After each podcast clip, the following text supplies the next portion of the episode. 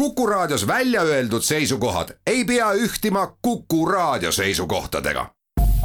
Te kuulate Kuku Raadiot. majandusruum tervist kõigile kuulajatele, alustab taas kord majandus- ja ettevõtlussaade Majandusruum. kuku raadio otse-eetris on Postimehe ajakirjanikud Lennart Ruuda ja Liina Laks millest täna juttu teeme, üle ega ümber ei saa riigieelarvest, siis räägime ühest börsidebüüdist, mis sai eelmisel nädalal välja hõigatud, aga mida me puudutada ei jõudnud paraku. Ja siis vii-, esimese ploki lõpetuseks võtame vaatluse alla veel sellised tegelased nagu puuktööandjad ja külas on meil siis Eesti oma krõpsuäri Palsneki asutaja Elmar Rusing, kellega räägime eh, nii krõpsudest kui ka pereettevõtlusest laiemalt aga alustame siis riigieelarvest, et äh, riigi tähtsaim dokument, nagu selle kohta öeldakse, kuigi mõnes mõttes on see minu arust nagu vaieldav, sellepärast et väga suur osa riigieelarve, eelarvest on nagunii ära broneeritud juba. see on seadusega paika pandud tervishoiuks, äh, haigekassaks ja muudeks, et seal vabu käsi on tegelikult küllaltki vähe aga siis kuu aega väldanud see eelarvetegu sai, sai meil eile valmis, toimus suur pressikonverents, kõlas palju selliseid kõlavaid loosungeid, et kes, kui palju raha saab ja nii edasi. noh, samas ajakirjanikuna ma oleks ikkagi kriitiline, et, et mulle tundus see selline poole vinnaga tehtud asi. sellepärast, et seda päris eelarvet ennast, seda seletuskirja, kõiki neid dokumente, eks ju, kus on siis noh, detailselt rida-realt kirjas, et kes, kui palju raha saab, et seda ei ole, noh, et meil on praegu lihtsalt poliitikute ausõna. sellised fragmendid, mis neile endale meeldisid ja mille nad siis eetrisse paiskasid, aga, aga noh, kes, kui palju tegelikult saab, seda, seda, seda me ei tea veel tegelikult ju seda me ei tea, aga küll me varsti siin teada saame, et ega siin seda iga kella nüüd oodata, et nad selle dokumendi sealt kabinetist kuskilt välja loodame, et ei tule eetris niimoodi jah, et siis. me refresh ime siin praegu seda lehte, et äkki saame siit. aga nii palju on teada, et kulusid on siis planeeritud kolmteist miljardit eurot, aga tulusid üksteist, umbes niimoodi. Ja siis see tähendab seda, et tuleb laenu võtta, tuleb võtta kaks, ligi kaks pool miljardit laenu, see on sellised summad, et noh, siin Eestis me ei ole sellistega harjunud.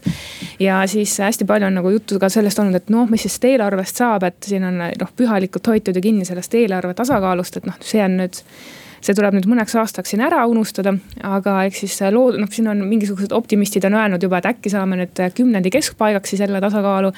siis pessimistid ütlevad, et ei tea üldse, millal, aga noh, asi on siis nagu nii palju on teada, et kui siin läheb laenu võtmiseks, siis põhimõtteliselt see võiks olla sõnum siis kõigile, et järgmine aasta kui juba see riik selle laenukraani lahti teeb, et noh et kes siis küsib, see siis enam-vähem saab, et siin kokkutõmbamist ei paistnud esialgu kuskilt, et pigem on niimoodi, et praktiliselt igale poole antakse raha juurde, sellest juttu, et näed, temale anname seekord vähem. mina võiksin küll tuua kohe ühe sektori, kellest, kellest me oleme siin isegi palju rääkinud, ühest valdkonnast näiteks äh, turismiinduus, turismisektor, et äh, nemad on siin ju mitu kuud tegelikult seda abiraha küsinud, aga, aga eile pressikonverentsil poliitikud ei maininud seda sõnagi noh, muidugi, kui see eelarve seletuskiri tuleb, võib-olla siis seal on nagu midagi sees. ma ei ütle, et seda nagu peaks neile kindlasti andma turismifirmadele, okei okay,, et ettevõtja võiks, eks ju, ise puhvreid koguda ja hakkama saada, aga. noh, ma mõtlen, kui Jüri Ratas hõikab välja, eks ju, koroonakriisi seljatamise eelarve. et, et noh, üks selle osa on ka ettevõtjate ja tegelikult nende töötajate ju aitamine, kes uuesti hakkaks seda majandust öö, paisutama, üles ehitama. et selles suhtes on see nagu natukene naljakas ega sa kõike vist ei jõutudki välja hõigata ja pluss on see, et kui siin tuleb mingi turismi asi, mis jääb äkki selle aasta, sellesse aastasse ja näpistatakse võib-olla mingitest selle aasta varudest, et noh. siis see juba uut aastat nii väga võib-olla ehk ei puudutagi, et ega me siin elame ka nagu üks päev korraga, et kellele jälle paarkümmend miljonit sinna puistatakse ja kes siis kõvemini kisab aga mul jäi ka silma jah, et äh, kulud, eks ju, kolmteist miljardit, et äh, vist eelmisel aastal, sel aastal on kuskil ligi selle üksteist miljardit olnud. ja noh, mis on huvitav, et noh, maksurahadest, eks ju, eks ju päris, päris nii-öelda tuludest on, tuleb ainult üheksa koma kolm miljardit, et noh, tõesti üle, üle nagu välja tõid, äh, tuleb, tuleb siis sisse laenata ja, ja kärpimine jah, muidugi, et äh, eks ju, kui poliitikud tutvustavad riigieelarvet, et siis nad äh, noh. meelsamini räägivad ikkagi sellest, et kellele nad raha annavad, et kes, kes, kes raha saavad. aga, aga kärped, eks ju, see on see ka, mida tegelikult oodati ja mida üks valitsuskoalitsiooni liige, Isamaa siis eelkõige Heli, Helil, Helir-Valdor Seederi isikus on välja higanud, et mingid kärped peavad tulema. siis noh, neist me ei kuulnud ikka mitte midagi, et erasektor siin tõmbab tõmbab koomale, eks ju, koondab, kärbib, aga, aga kuidas, kuidas nagu riik äh, kavatseb äh, kulusid ikkagi kokku hoida, ei, ei saanud sellele vastust ei saanud sellele vastust. no põhimõtteliselt eile tuli ju ka Eesti Panga prognoos, et kui siin vahepeal on öeldud, et äh, noh, see aasta tuleb nagu tuleb meil see majanduseks, et suhteliselt pidur on peal siis äh, siin algselt, äh, ma mäletan, kevadel läks lahti see prognoositamine, et no nii, me oleme koroonas, mis nüüd saab. siis äh, osad ütlesid ju, et okei okay,, et see aasta on, mis on, aga järgmine aasta siis me kasvame seitse protsenti ja mis siin tuli. siis läks natuke aega edasi, siis tõmmati vahepeal natuke koomale, et no ei tea, järgmine aasta majandus kasvab viie protsendi juurde. nüüd rahandusministeerium siin septembri alguses tegi ka oma prognoosi, ütles, et oi-oi, tuleb ikka üle nelja, üle nelja saame. aga Eesti Pank siis tegi eile prognoosi ja nemad ütlesid, et mis nalja teete mehed, et null koma kaks protsenti majanduskasvu, noh, see on, see pole nagu noh, midagi.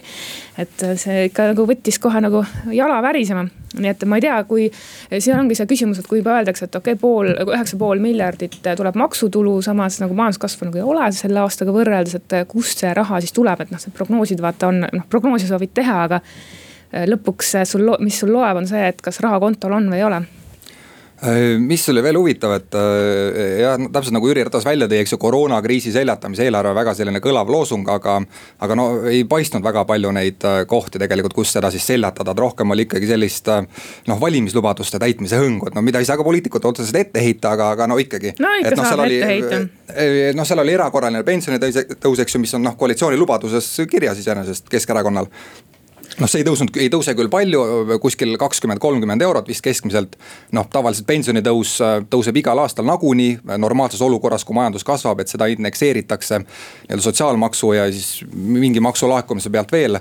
et nüüd, kui majandus langeb, siis seda, ta iseloomupäraselt nagu ei peaks tõusma, siis antakse sinna raha juurde siis äh, noh, kriisi ajal uued kopterid, eks ju, kõik äh, nii-öelda sisekaitsereserv. Äh, mingisugused, mis, mis, mis siin kõik olid, erinevad, erinevad kopterid ja, ja sõiduristad, et mere, merepääste ja kõik niimoodi, et noh, jällegi EKRE selline üks meelis, meelislubadus aga noh, samamoodi ikkagi, ikkagi ka, teed tegelikult, neljarealised teed Tartusse, seal vist ehitatakse üks lõik Tartust Tallinna poole kuskil kakskümmend kilomeetrit neljarealiseks haiglad äh, minu arust renoveeritakse päris suures ulatuses, äh, kultuurihooned äh, saavad raha juurde.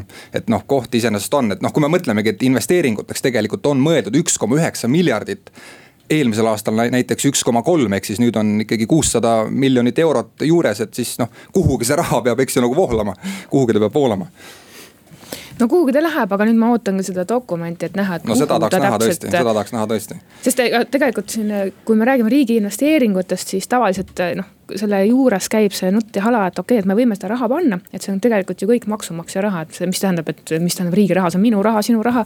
sina maksad maksu, eks ole. et siis tahaks nagu midagi head vastu saada, et, et noh, et mitte niimoodi, et jälle kuskil keegi teeb kuskil mingisuguse toreda MTÜ ja mingi nõukogu ja siis tantsitakse korra kuskil platsi peale, siis noh, ongi raha läinud, et et siis võiks ikkagi olla selline asi, noh, mis siis tõesti noh, seda riiki siis kriisist kuidagi välja aitab ja meile kõigile kuskilt poolt siis tulu toob, et. Et kas siis nüüd noh, siin ega ilma selle dokumendita on nagu hästi raske ka spekuleerida ja vaadata. me kobamegi tuleb... natukene pimeduses siin nii-öelda, et me tegelikult no, seda. ikka suht täitsa pimeduses. seda dokumenti jah, mille põhjal need rahad äh, siis liiguvad emmale-kummale osapoolele, et seda me ikkagi nagu ei ole näinud. üks asi, mis mind teeb natukene murelikuks, on selline tasakaalustamatus, mis ähvardab tekkida, et kui riik pumpab kõvasti ikkagi kaitsevaldkonda, sisekaitsesse raha juurde, tõenäoliselt kasvavad seal nende töötajate palgad samal po teisel pool on meil turismisektor, eks ju, kus väga tõsiselt äh, nii-öelda kärbitakse, koondatakse. üldse lastakse inimesed lahti, et äh, siis see kipub väga-väga kalduma nagu nii-öelda riigiametite ja riigisektori poole, et nemad õitsevad ja õilmitsevad, eks ju. aga siis noh, teatud erasektorid on äh, näol ja maas, seda enam, kui me tegelikult ei ole kuulnud, kui palju siis nagu ettevõtlust. kes on koroonakriisis kõige rohkem pihta saanud, ergutatakse, et seda ei öeldud üldse, ei mainitud eile näiteks no seal arvestame seda, et ikka sul on KredExis nii palju raha seal järgi, aga kui ma sind kuulan, siis ega kui sa ütled, et riigisektorisse palgatakse juurde ja tuleb piirivalve, jumal teab mis. ma ei tea, kas palgatakse siis..., pole seda välja öelnud, aga sinna läheb raha juurde, siis noh, võib, võib arvata, võib-olla sinna tuleb ka inimressurssi juurde. järelikult ongi, mis siis tuleb teha ettevõtluskeskkonnas, ütleme siin niimoodi, et et me siin räägime, et riik võiks teha seda ja toda, aga kui siin on näha, et riik ütleb, et oi-oi, et ma panen nüüd ühte valdkonda siin nii palju miljardeid ja miljoneid, et siis äh, midagi nagu teha ei ole, ma ütleks pragmaatikuna, et kui ma näen, et äh, raha läheb kuskile noh, ma ei tea, ütleme, et mina olen kuskil reisikorraldaja, noh töökoht kaob, no mis sa hing teed.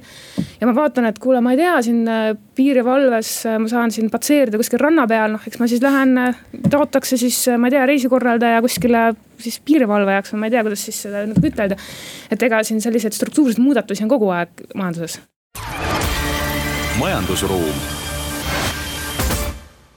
jätkame saatega, Liina Laks, Lennart Ruuda on otse-eetris mõned nädalad tagasi tekkisid Tallinna tänavatele sellised plakatid, kus üks sileda näoga noormees seisis tuulikute ees ja kutsus ostma sellist ettevõtet nagu Ignitis või, või Ignitis et tegemist on siis Leedu energiakontserniga, äh, mis teeb kohe-kohe Baltikumis suurima äh, IPO ehk siis avaliku aktsiaemissiooni, pakkudes investoritele enam kui poole miljardi euro väärtuses äh, aktsiaid. et mäletatavasti Coop siin aastapäevad tagasi kaasas börsidebüüdiga kuskil ligi nelikümmend miljonit eurot, et ma saan aru, et siin on nüüd Eesti investorid on ka ootusärevil, et pole koroona ajal nüüd sellist börsidebüüti vähemalt Tallinna börsi või tähendab Balti börside põhinimekirjas nagu toimunud või, või millest see selline nagu, Liina, sa oled natuke tead seda, oled uurinud, millest sihuke nagu kuidagi elevus, et, et. Ta on ikkagi Baltikumi üks suuremaid börsile tulekuid üldse ajaloos. et selline teist sellist ikkagi ei tulegi noh kohe niimoodi ette, et viimane selline suurem oli tegelikult Tallinna Sadam meie investorite jaoks, mis läks tegelikult noh, sadama jaoks väga-väga õnnelikult. ja nüüd Ignitis natukene püüab seda korrata, et tegu on siis Leedu energiakontserniga. ja siis nad ikka tulevad ja küsivad ikka päris korralikult, et tahetakse saada seal nibin-nabin kuskil pool miljardit. ja siis noh, see on ikka Baltikumi jaoks päris kõva raha ja.... ma ei, ma ei saa nüüd otse seda küsida sinult, et kas tasub osta või mitte, eks ju, aga. aga, aga kas on nagu põneva sellise ettevõtte või täiendusega sinna Balti, Balti börside põhinimekirja? no ütleme nüüd iga, iga ettevõte, kes tuleb Balti börsidesse, noh tead, see on, see on nagu nii suur asi, sest et ega see börs on ausalt öeldes nagu veidi varjusurmas, et kui. kui sina vaatad seda nimekirja, et ega siis sa noh, põhimõtteliselt saad siin paari käe sõrmedel need ettevõtted seal kokku lo nagu loetud, et. et on väga tore, et sellised suured ettevõtted ka tulevad, et me tegelikult äh, nagu ma ise lootsin, et Eesti teeb siin noh, jõuab ette äh, siin leedukatest ja Enefit Green tuleb börsile, aga no tead, nad on nii palju peputanud, aastaid ikka lubavad ja lubavad ja no ei tule, ei tule, no tead. ma arvan, et noh, äkki mingi lapselapsed näevad selle börsile tulek lõpuks ära, aga. ja ma mäletan tuleb..., Hando Sutter põhjendas, et äh, tuli see koroonakriis vahele, et nüüd ei saa nad lennata, kohtuda institutsionaalsete investoritega. tõenäoliselt nad ei ole, nad ei ole kohanud nagu. siis sellist äh, leiutist nagu telefon ja siis arvuti internet, et aga no selles, eks ma arvan, et eks investoritel ka võib olla siis selline leiutis kuskil laua peal.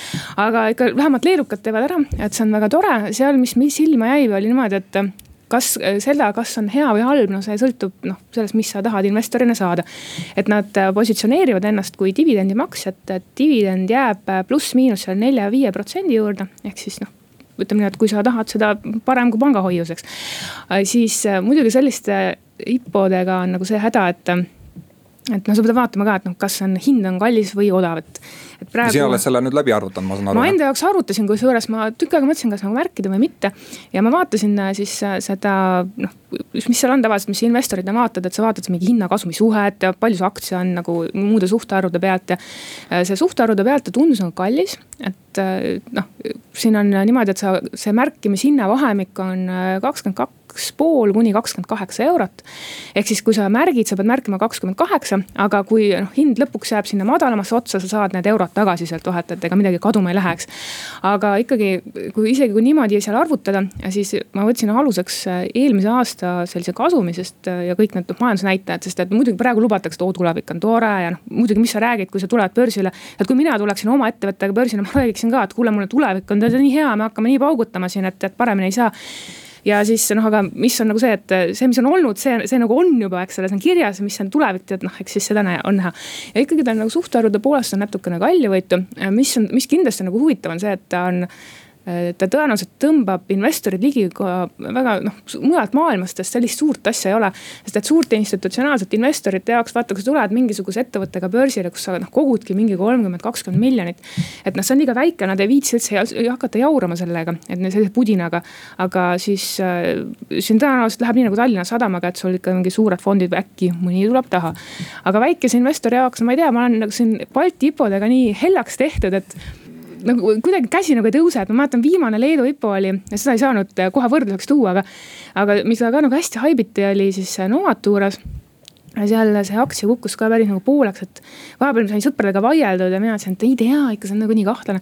aga ma olen ka, see on hästi konservatiivne, et ja siis noh, mina ei võtnud, aga see on nagu, sellel on nagu päris nagu kehvasti läinud, aga noh, see, mis on nagu riigifirma eelis on, see ongi see Ignitis eelis on see, et ta on riigifirma ja see tähendab seda, et no kuule, see, on see riigi au ja uhkus, et seda ütleme niimoodi, et kui eraettevõte läheb mingi hetk noh, tead selle alla vett, et noh, siis seda nagu hoitakse.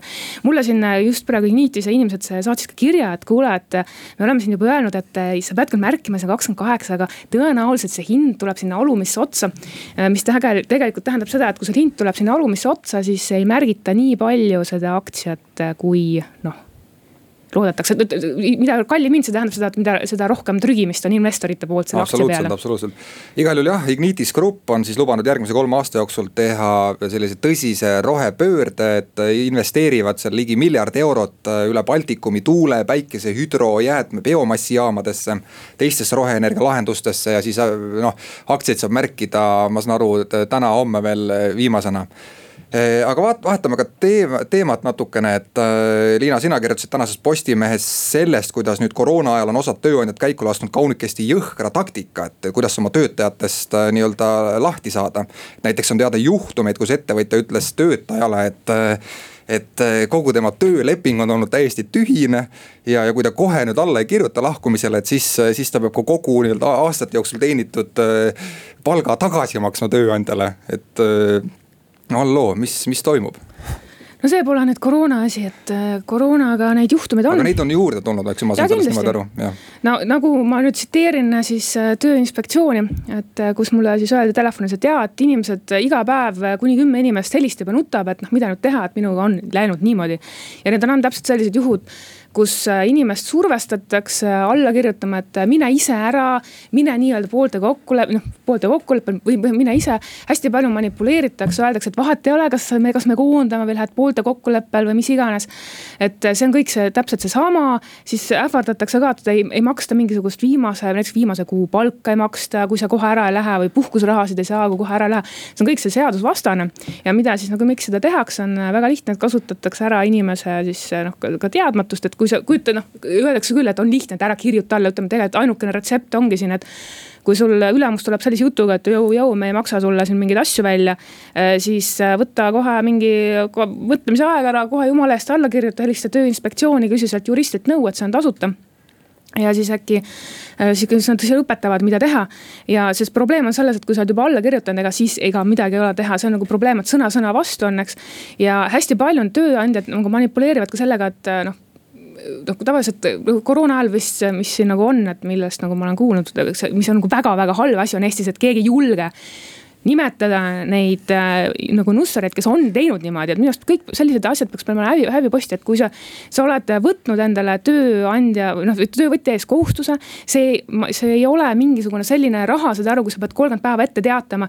Äh, et noh, kolmekümne päeva raha nagu ikka sa leiad, et inimesele välja maksta. seda sa teadsid juba ette, et kas sul läheb nagu halvemini või paremini, mis iganes, sa saad mingisuguse kokkuleppe teha, mis iganes. et kui sa pead hakkama seal valetama ja vassima ja ähvardama, et hei, sa pead mulle raha tagasi maksma. et no sellised asjad tuleb avalikustada, et noh see on nagu täiesti hullumeelne. ma tooks ka siin nagu vastupidise näite, et ma mäletan, et paljud tööandjad, eriti selle tööjõupuuduse tippaegadel kuskil kaks-kolm aastat tagasi. no näiteks Circle K, et nemad, nemad tõid välja hoopis selle, et, et paljud nagu töötajad on neid üle lasknud ja nii-öelda siis. noh, päevapealt lihtsalt ära läinud, pole enam telefonile vastanud, absoluutselt ennast näole andnud, et noh, see on, see oli nagu teine näide, et ja, ja ehitussektoris samamoodi suured ehitusfirma juhid ütlesid, kuidas ehitajad läksid siin keset päeva randa puhkama ja ka lihtsalt samamoodi kadusid ära, et ei, ei näidanud enam üldse näole et, et siis on nii-öelda laiutab nagu tööandja käsi, et korraga, korraga on inimene kadunud, see on, siis nad ütlevadki, eks ju, töösuhted on paindumatud, väga raskesti nagu muudetavad. noh, mis sulle ei meeldi see jutt on ju. ei, see on täiesti korrektne, aga vaata, seal ongi see, et vaata, see asi nagu käib mõlemat pidi. et ma nii palju, kui ma sealt tööseadusest vaata lugesin, siis seal on see lihtne asi, et kui inimene on teinud midagi tõesti nagu katastroofiliselt valesti, ma ei tea, varastanud, teinud, läinud ära. siis on sul võimalik praktiliselt kohe nagu ka lahti lasta, see ei ole probleem majandusruum tere tulemast tagasi, stuudios endiselt ajakirjanikud Lennart Ruuda ja Liina Laks. nüüd on meil külas Eesti snäkitootja Palsnäki asutaja ja nõukogu esimees Elmar Ruusing, tervist. tere ma küsiks esmalt, et eh, kust tuleb see Palsnäki nimi, et, et me siin enne arutasime, et miks mitte eh, Ääsmäe krõpsuvabrik noh, eks natuke jutumärkides mõtlesime suurelt tol ajal, üheksakümne teisel aastal, kui firma asutasime, et noh. Baltikumi me vallutame kindlasti ja siis see palsnäkk sealt tuli. ehk siis Baltic snack nii-öelda samas Ääsmäel alustati kartulikõrpsude tootmisega, ma saan aru, juba aastal tuhat üheksasada kaheksakümmend kolm jah, täpselt. kuidas see nagu see idee tekkis ja missugune see alustus, alga- al,, alustamine toona, välja nägi? toona majandimehed Ääsmäe, Ääsmäe sovhoos, hiljem Ääsmäe agrofirma kuidagi ühesõnaga Ääsmäele rajati suur köögiviljahoidla kuna Majand oli köögivilja eh, tootja, köögiviljahoidla ja neil oli siis taipu ka üks pisike kartulitšipsi liinikene Soomest selle, selle hoidla külge haakida. ja, ja toona ütleme, tšipsi toodetakse toorest kartulist ja kui mina tulin kaheksakümne kolmandal aastal Ääsmäele, siis oli krõpsu tootmine juba alanud et äh, olete ikka väga pikalt selles valdkonnas äh, tegutsenud, et äh, kas on vahepeal olnud ka loobumise või, või, või sulgemise mõtteid? Et on ju raskeid aegu on tõenäoliselt olnud nende aastate jooksul. no kunagi Indrek Neivelt on öelnud, et iga firma peab kaks tõusu, kaks kriisi üle elama, et. no ju ma siis mõtlesin ka, et ju tuleb need läbi teha ja, ja, ja tõesti kaks, kaks kriisi oleme ka üle, üle elanud ja ja noh, vaadake, väga keeruline on kui üheksakümne üheksandal aastal eh, kõige suurema kriisi põhi. ja kogu minu mainevara oli pangid, eh, panditud pangale, siis eh, noh, pere, vastutus pere ees ja, ja, ja, ja töötajate ees oli nii karm, et ega, ega valikut ei olnud, tuli edasi minna aga üks ettevõte on ka pankrotis käinud, ma saan aru vahepeal. jah, meil oli, oli Palsnak ja siis mõtted läksid veel suuremaks, et teeme holding firma Palsnak Internationali. ja siis Palsnak oli tütarfirma ja ja ikkagi, ikkagi kogunes meil neid igasuguseid viiviseid toona viivis oli pool protsenti päevas, sada seitsekümmend protsenti aastas, et päris karm. ja käisime seal Harju maksuameti vahet ikka ajatamas ja, ja, ja viivitamas ja lõpuks äh, toonane maksuameti peadirektor, kes seal oli Harjumaal, ütles, et kuulge, likvideerige see firma, saame meie midagi, natuke saate teie, alustage puhtalt lehelt toona, toona see kahju Eesti riigil oli seitsesada tuhat krooni üleelamine oli päris tõsine ja, ja, ja, ja aga liikusime edasi, Palsnak International Holdinguga, see firma jäi alles. ja, ja täna me ühes kuus maksame makse rohkem, kui toona see pankrotipesa oli, nii et sorry, Eesti riik. Tuleme nüüd kakskümmend aastat ajas nii-öelda edasi ja jõuamegi tänapäeva, kus ka meil on uus kriis, koroonakriis ja sellest johtuv majanduskriis kuidas nüüd see on teie äri mõjutanud? Eh, noh, eh, ega iga, igal ajal inimesed tahavad eh, süüa ja juua. noh, natukene, natukene Eesti müük kukkus, kümmekond protsenti, aga päästis muidugi eksport.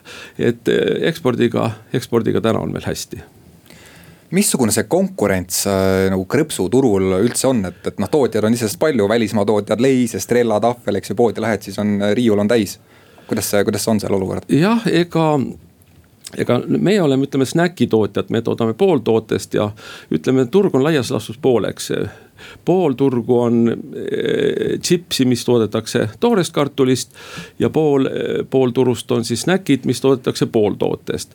tšipsid on tiba rasvasemad, kuna neid seal praetakse viis minutit eh, toorest kartulit õlis, enne kui ta valmis saab, snäkid on meil kaheksa kuni kaksteist sekundit ja, ja seal on üks kolmandiku võrra vähem nagu rasva. et see on väike konkurentsieelis ja muidugi eks selline firma, väike firma nagu me oleme, meid ikka surutakse sinna suurte mullide vahele väiksematesse mullidesse, meil on hommikueined. meil on leivad, meil on kartulivahvlid, et ütleme noh et kui tagasi mõelda, siis oleks, oleks teadnud, et see konkurents nii kõva on. oleks võib-olla midagi muud pidanud tegema, aga, aga täna, täna me oleme turul ja meil on Eestis normaalne turuosa, et, et muidugi võiks kasvada aga Eestis äh, krõpsutootjana tegutsete siis ainu, ainukesena, teisi, teisi neid ei ole, kuigi noh müüakse siin teiste ettevõtete omasid, aga nagu kes toodavad, toodate siin minu teada Viljandis on ka üks värkstuba, nemad teevad peedi ja, peedi ja kaalika ja kõpse ja, ja kunagi, kui me ütlesime, et ainuke, siis, siis sealt keegi saatis kirja, ütles, et kuulge, meie oleme ka, ma ütlesin, et okei okay. siis peate kodulehel ära parandama natukene. peame vist ära parandama jah vaat kui siin jutt läks ekspordile, siis mis teil praegu need eksporditurud on, et siin? no see rehkendamist on sassi läinud, aga müünud oleme kusagil neljakümnesse riiki, neljakümnesse riiki, täna, täna just me lõpetasime hästi suure tellimuse Inglismaale. Nad võtsid eh, üheksa suurt merekonteinerit eh, oma märgi toodet, et huviga ootame, kuidas neil läheb ja kas tulevad jätkutellimused. sinna läks kartuli, kartulivahvel eh, kaheksasada tuhat pakki vahvlit läks sinna. see nädal reede laadime kaks konteinerit Jaapanisse. eelmine aasta oli väga suur edulugu Uus-Meremaale, müüsime eh, hulga eh, Hiinasse. väga hea turg on, eh, väga hea turg on Lähis-Ida, Saudi Araabia, Katar, Bahrein ja nii edasi, noh tähendab, tähendab see, see, kuidas müügimeeskond selle asja, asja ära vormistab, sinna, sinna me, sinna me müüme ja ja, ja jah, ja kui niimoodi öelda, siis kõige raskem turg on Eesti turg. Mm.. ta on nii väike, kõik tahavad müüa ja loomulikult kaup, kaupmehel on valik, kaupmehel on valik, keda võtta, keda, keda jätta ja siin ei, ei saa üldse pahaks panna. aga, aga, aga, aga kui ikkagi, kui ikkagi noh, kuhugi mujale riiki minna, siis, siis Rootsi põhimõtteliselt läheb meil iga päev üks autokoorem mm. -hmm. ja see on mingi saja kolmekümne poega kett see ei ole üldse suur, et kui, kui täna tuleb tuleb see, väga paljud tahavad näha, et me toodame ise, et me ei vahenda, me ei trikita, tahavad tehast näha. et kui viisteist aastat tagasi me muretsesime, et siit ei ole värvitud ja piltlikult öeldes põrand ei ole puhas, siis täna me muretseme, et äkki nad ikka näevad, et kui väiksed tootmisvõimsused meil on et et, et, et, et me ei saagi, et me ei saagi kohe ja, ja nii, nii palju anda, täna, täna pigem on, pigem on see, kuidas, kuidas kasvatada. aga milles see Eesti konkurentsitihedus seisneb, et kas poeketid ei taha kuidagi vastu võtta neid teie tooteid nii äh, agaralt, et kuidagi eelistatakse välismaist või, või milles see, milles see seisneb täpsemalt? ei, ma ei ei oska. sest need on tegelikult väga huvitavad turud, mis te üles lugesite, et need on just sellised kohad, kuhu Eesti ettevõtjad ei saa justkui väga tihti jalga ukse vahele, kui mõtleme Hiinat, Jaapanit ja, Saudi Araabiat, et seal tuleb ikka tohutult tööd teha noh, see on, see on veel üks hea edulugu, kuidas viimased kolm-neli aastat, et kus me oleme müünud, kus me oleme käinud messidel kuuel kuni kaheksal messil aastas. ja tänu, kas siis see on siis Toiduliidu või EAS-i toele, ega väiksel firmal on ka need kulud oleks suured, aga kui mina veel omal ajal käisin, me saime viiskümmend kontakti, olime olime väga rõõmsad. täna, kui me saame alla kolmesaja kontakti viiepäevaselt messilt, siis ei ole väga hea tulemus. nii et messid ja, on ikka olulised. ja, ja noh ükski inimene stendist praktiliselt mööda ei lähe, et ta ei teada, et Palsnak pakub siin kartulivahvlit või mingeid krõpse see, kuidas, missugune, missugune rakendus on meil sel messil, seal on GoPro kaamerad, sellest inimesest tehakse pilti. on, on äpp, millega tema eh, visiitkaart salvestatakse kohe koos tema pildiga ja, ja nii edasi ja nii edasi, et see on noh, eh, sealt tulevad kontaktid. majandusruum jätkame saatega, külas on meil Palsnäki asutajanõukogu esimees Elmar Rusing noh, te olete ettevõtte asutaja, nõukogu esimees, aga mis on teie selle nii-öelda igapäevane kokkupuude selle nüüd nagu ettevõttega või mida, mida te teete seal? et et. Ehm, ma saan aru, et on juba lastele üle antud osaliselt, aga, aga teie enda roll? jah, ja see noh, ega see ei ole ainult ütleme lastele üleandmine. selles mõttes, et enam eh, hankijad ei helista mulle, reklaamipakkujad ei helista mulle, nad teavad, et Parsnakis on inimesed, kes sellega tegelevad, et noh. pigem see laste laskmine oli ka siin ütleme aasta aega, et ikka ütled, et kuule, et eh, ma, ma ei tegele selle asjaga, ma ei tea igapäevaseid asju nii palju. aga, aga mis, mis, mis mulle meeldib, on toota tootearendus. tootearendus ja ütleme, seadmed, need igasugused PRIA toetusseadmete, seadmete ost ja, ja, ja uute toodete väljatöötamine. strateegiline vaade nii-öelda, aga natukene kaugemale tulevikku. natukene, natukene ette, ette, ettepoole vaade, et vaata, vaataks kahe-kolme aasta peale, et, et see on seal ma näen täna rakendust ja võib-olla oma, oma kogemusi, et mõnda asja ei ole mõtet katsetada, et seda on juba kolm korda proovitud mm. -hmm no Palsnäk on ka nüüd äh, nomineeritud EAS-i ettevõtluskonkursil perefirmade kategoorias sel aastal.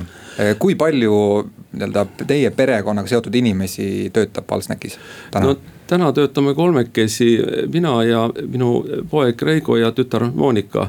et Reigo tuli kusagil kolm aastat tagasi ja ja Monika natukene hiljem, et poeg tegeles, tegeles IT-valdkonnas ja tal õnnestus kaks firmat edukalt maha müüa ja siis peale seda ma ütlesin, et kolmas kord ei, ei pruugi see juhtuda. tuli IT-st krõpsu tootmisse. jah, IT-st krõpsu tootmisse, et, et ma ütlesin, et Reigo, et vaata, kui sa hakkad kümnesendiseid tegema, siis pannakse sind kinni majja pikaks ajaks. aga kui sa, kui sa pakid krõpse, krõpse ja, ja pakud neid hästi, pakid neid hästi palju, siis võib sinust lugu lugupeetud inimene saata kui raske oli igapäevane juhtimine üle anda? ei, ei olnud selles mõttes. ise jääda nii-öelda igapäevatööst eemale, mida tegite ka pikalt ei, eks, eks mingi see inerts ja kohusetunne, et, et, et kas peaks iga päev kohal käima, aga, aga kui sa näed, et asjad, asjad toimivad ja, ja praegu meil on näiteks eh, nihuke digitaliseerimise protsess on, on, on käimas. no eh, selle rongituled on ikka minust kaugele jäänud, et ma pigem ei süvene, vaatan, vaatan suurt plaani, aga, aga eh, noh, ilmselt ei, ei, ei, ei olegi mõistlik kõigega kursis kursis olla.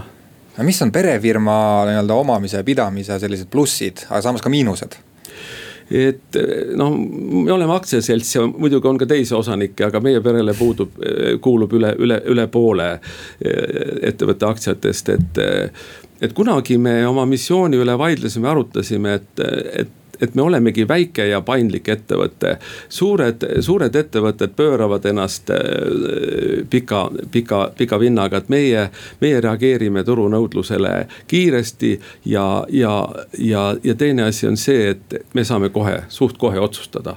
me saame teha otsused kohe, et vahel, vahel ma näen, et ma räägin. saate pere keskel läbi arutada ja siis teete kiire, kiiresti otsuse või? jah, et vahel ma näen, et on tegevjuht ja kusagil on omanikud. ta ei käi iga päev omaniku käest küsimas, et kas ma võin seda teha või teist teha. ja paljud otsused jäävad selle taga tegemata, meil on see eelis mm. -hmm kuidas teile paistab, et kui tähtis nagu Eestis selline perekeskne ettevõtlus on või, või ühe perele kuuluv ettevõte ja selle nii-öelda nagu edendamine ja arendamine, et ikkagi otsitakse järglasi nagu perekonna seest juhtide, juhtkohtadele eks sellel on omad head ja vead ka, aga, aga no ju neid on palju, ma mõtlen põllumajanduses on väga palju pereettevõtteid, et, et, et võib-olla, võib-olla tööstuses on vähem, aga, aga ma arvan, et, et, et, et see on ikkagi, see on ikka eh, bingoloto võit, kui, kui lapsed eh, on, jätkavad ja on motiveeritud jätkama räägime natuke nagu nii-öelda turgudest ja seal äh, seisnevatest erinevustest, et äh, mis on sellised nagu maitse erinevused võib-olla, mida saab eestlasele müüa, aga mida kuskile rootslasele või, või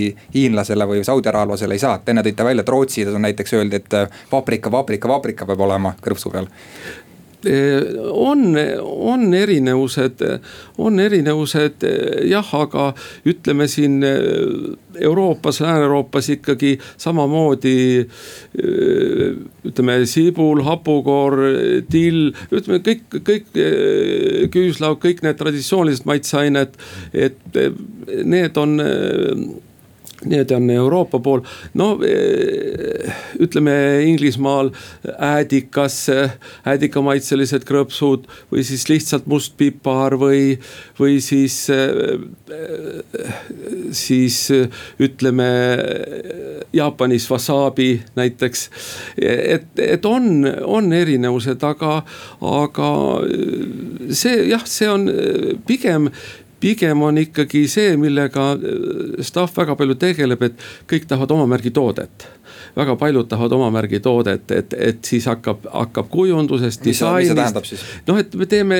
kõigile eraldi pakend igale turule või? jah, igale turule era, eraldi pakend, et mõni firma on hästi professionaalne praegu see Inglismaa eksport, mis praegu lõppes, väga professionaalne firma. kõik, kõik tuli, tuli hästi, aga hästi kiiresti, aga samas Saudi Araabiasse müüa no nendest tähtedest me, me, me ei saa, me ei saa aru, et, et vahel ma naeran, et meil pakettsehhis naised varsti oskavad väga palju keeli. Et igasugused, igasugused kirjad on, on, on, on pakendi peal, et, et see on aga, aga üldiselt oma märgitoodete puhul on ikkagi see, et me ütleme, et, et, et see selline, selline tootmine, trüki ettevalmistus maksab nii palju. ja me ja tavaliselt, kui firma ikka näeb perspektiivi selles, tellija näeb, siis, siis ta need kulud ka maksab, maksab kinni, et, et, et väga, väga erinevaid pakkematerjale on meil laos tõesti no me teame, et krõpsud ja snäkid ei ole selline kõige tervislikum kraam, et, et samas inimesed tänapäeval janunevad selliste äh, trendikate tervisetoodete järele, et kuidas te siin nagu positsioneerite ennast pikaajaliselt, et kas on mõned uued tooted silmapiiril? jah, siin ütleme äh, suures plaanis. Läheb äkki maksu alla näiteks või midagi? ja, ja äh, ühesõnaga noh meil on praegu rohepööre ja igasugused digipöörded, siis, siis tegelikult noh, see, et kuidas, kuidas väärindada eh, taimset valku et, et kuidas väärindada taimset valku, kui täna viljalaevad sõidavad, viljalaevad sõidavad sama, sinnasamma Saudi Araabiasse. siis, siis, siis minu mõistes on see ümarpalgi müük. et tegelikult me peaks ikkagi selle valgu väärindama ja, ja, ja väärindatud eh, valgutooteid eh, müüma ja, ja me teeme Deftakiga koostööd. on, on, on, on klaster moodustatud, et, et väärindada taimset valku on üks, üks programm ja ja nüüd üks EAS-i programm avanes, me eh, tahaks minna lastetoitudesse, et peale Salvesti ja siin eh, Rapla eh, riiul on ainult import lastetoitu täis, et, et põhimõtteliselt, põhimõtteliselt ja noh, samamoodi pusime, on uued, uued snäkitooted, quinoa, kikerhernes, läätsekrõpsud, et noh just, just see, aga, aga, aga jah, et kui täna ehitatakse piimatööstust. ühesõnaga, et arendada Eesti piimaekspordi, siis ilmselt tuleks ka, tuleks ka mõelda mingi valgu, valgu eraldamise, väärindamise ja tehnoloogia peale, et toota, toota, ma ei tea, taimset taimset kotletti ja, ja need taimse valgu tooted, mida noh, mis on väga populaarne, noh tõusev trend Eesti turul mm, -hmm. ütleme maailmas, jah aga noh, seda, et näiteks, äh, mis teil on, Piraat ja Vigur, et, et need lõpevad ära ükskord, et enam ei, inimesed ei taha seda osta. ei, ei lõpe sellepärast, et noh, kui, kui inimese kohta maailmas, ma arvan, Ameerikas võib-olla viisteist kilo per capita, võib-olla Inglismaal kümme, ma arvan, meil on kolm-neli, et ei kui ma vaatan, kuidas minu lapselapsed vahel harva krõpsu saavad. kui palju te ise sööte eile, eile sõin kaks tundi järjest, meil oli pikk tootearendus ja degusteerimine. Naersime, et ilma lõunata kaks tundi degusteerisime tooteid, erinevaid tooteid, uusi maitseid, et, et vahel ikka, vahel ikka degusteerin jah nii, aga tõmbame siin vaikselt äh, saatele joone alla, külas oli Palsnäki asutajanõukogu esimees Elmar Rusing. Äh, Postimehe ajakirjanikud Liina Laks, Lennart Ruuda eetris ja majandusruum taas tagasi nädala pärast. majandusruum